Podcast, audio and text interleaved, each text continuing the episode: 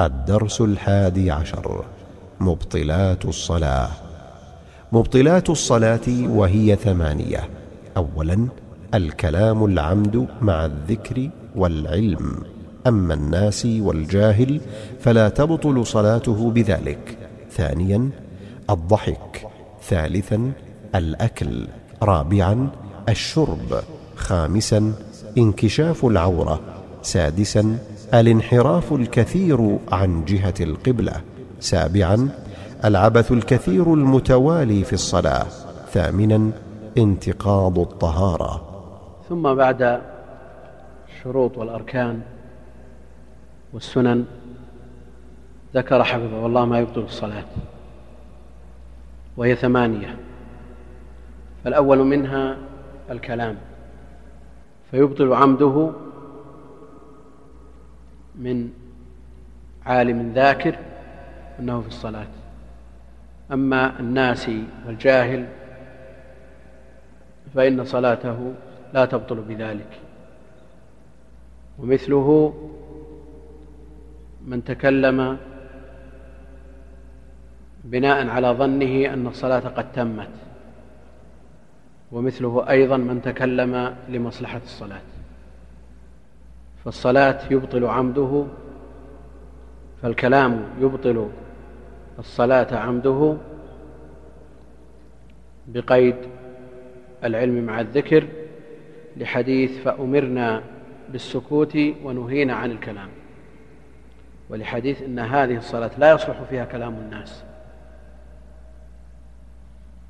ومما يبطل الصلاة الضحك قال ابن المنذر أجمع على أن الضحك يفسد الصلاة.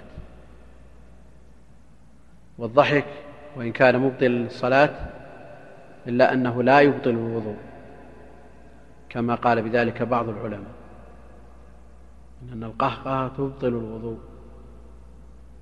لكن جمهور العلماء على أنها مبطلة للصلاة دون الوضوء. والحديث الوارد في ذلك ضعيف جدا لا تقوم به حجة. التبسم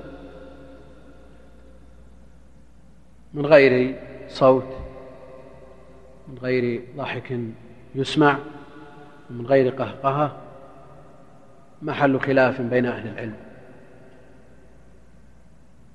فمن أبطل الصلاة به قال هو ضحك. لقوله تعالى فتبسم ضاحكا.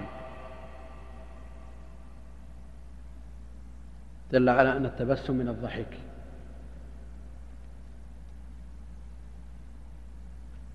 وعلى كل حال التبسم يخالف حقيقة الصلاة التي هي وقوف بين يدي الله سبحانه وتعالى مع التذلل والخضوع له. قد يغلب الإنسان أو لا يملك نفسه كما هي طبيعة بعض الناس. فإذا وصل الأمر إلى حد الضحك فالصلاة باطلة. وإن كان المسألة تبسم من غير قصد أو من غير قدرة على تركه فالأمر في ذلك أسهل. الثالث والرابع الأكل والشرب. قال ابن المنذر أجمع أجمع كل من نحفظ عنه من أهل العلم أن من أكل أو شرب في الفرض في الفرض عامدا أن عليه الإعادة. فالأكل والشرب مبطلان للفريضة مع العمد.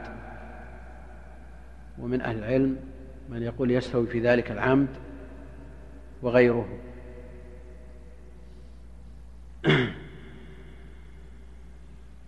وأما الشرب بالنسبة للنافلة فقد فعله بعض الصحابة لكنه على كل حال لا ينبغي لأنه لم يثبت عنه عليه الصلاة والسلام. الأمر الخامس انكشاف العورة وتقدم أن ستر العورة شرط من شروط الصلاة. فإذا انكشفت العورة اختل شرط من شروطها فتبطل حينئذ. فإذا انكشفت العورة المغلظة ولو كان الانكشاف يسيرا وكان زمنه قصيرا فإن الصلاة حينئذ تبطل على ما بينه أهل العلم. أما العورة غير المغلظة إذا كان الشيء يسير أو الانكشاف من غير قصد بأن هبت ريح أو شبهها مروحة أو مكيف فكشف عن شيء من فخذه فإنه ثم أعاده فإنه فإن صلاته حينئذ صحيحة الأمر السادس الانحراف الكثير عن جهة القبلة. وتقدم أن استقبال القبلة شرط من شروط الصلاة. فإذا انحرف كثيرا عن جهة القبلة بطلت صلاته. أما إذا انحرف شيئا يسيرا فإن صلاته لا تبطل. لأن المطلوب الجهة وليس المطلوب عين الكعبة.